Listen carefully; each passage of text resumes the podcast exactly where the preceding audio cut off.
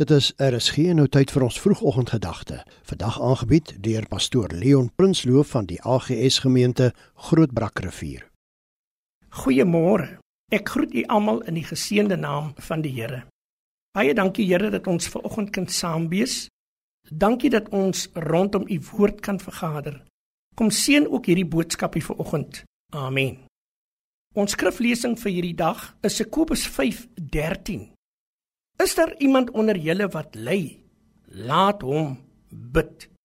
Jakobus wat hier skryf was die hoofouderling van die eerste gemeente in Jerusalem. Hy was Jesus se aardse broer. Indien jy 'n studie maak van die eerste 7 hoofstukke van Handelinge, sal jy vind dat die Jerusalem gemeente gegroei het tot op daardie stadium tot seker 30000 lidmate en om te dink hul predikant was 'n ouderling. Jakobus was 'n man met baie praktiese raad. Die hele boek van Jakobus is vol daarvan.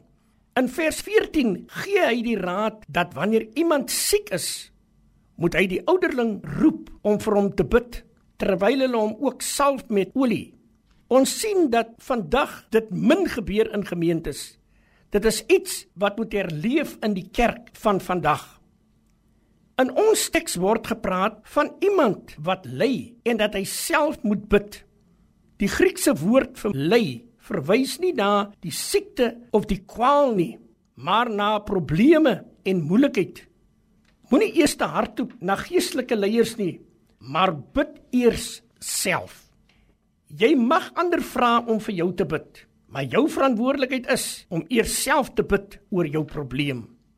Die oorwinning is groter as jy vir jou eie probleme gebid het.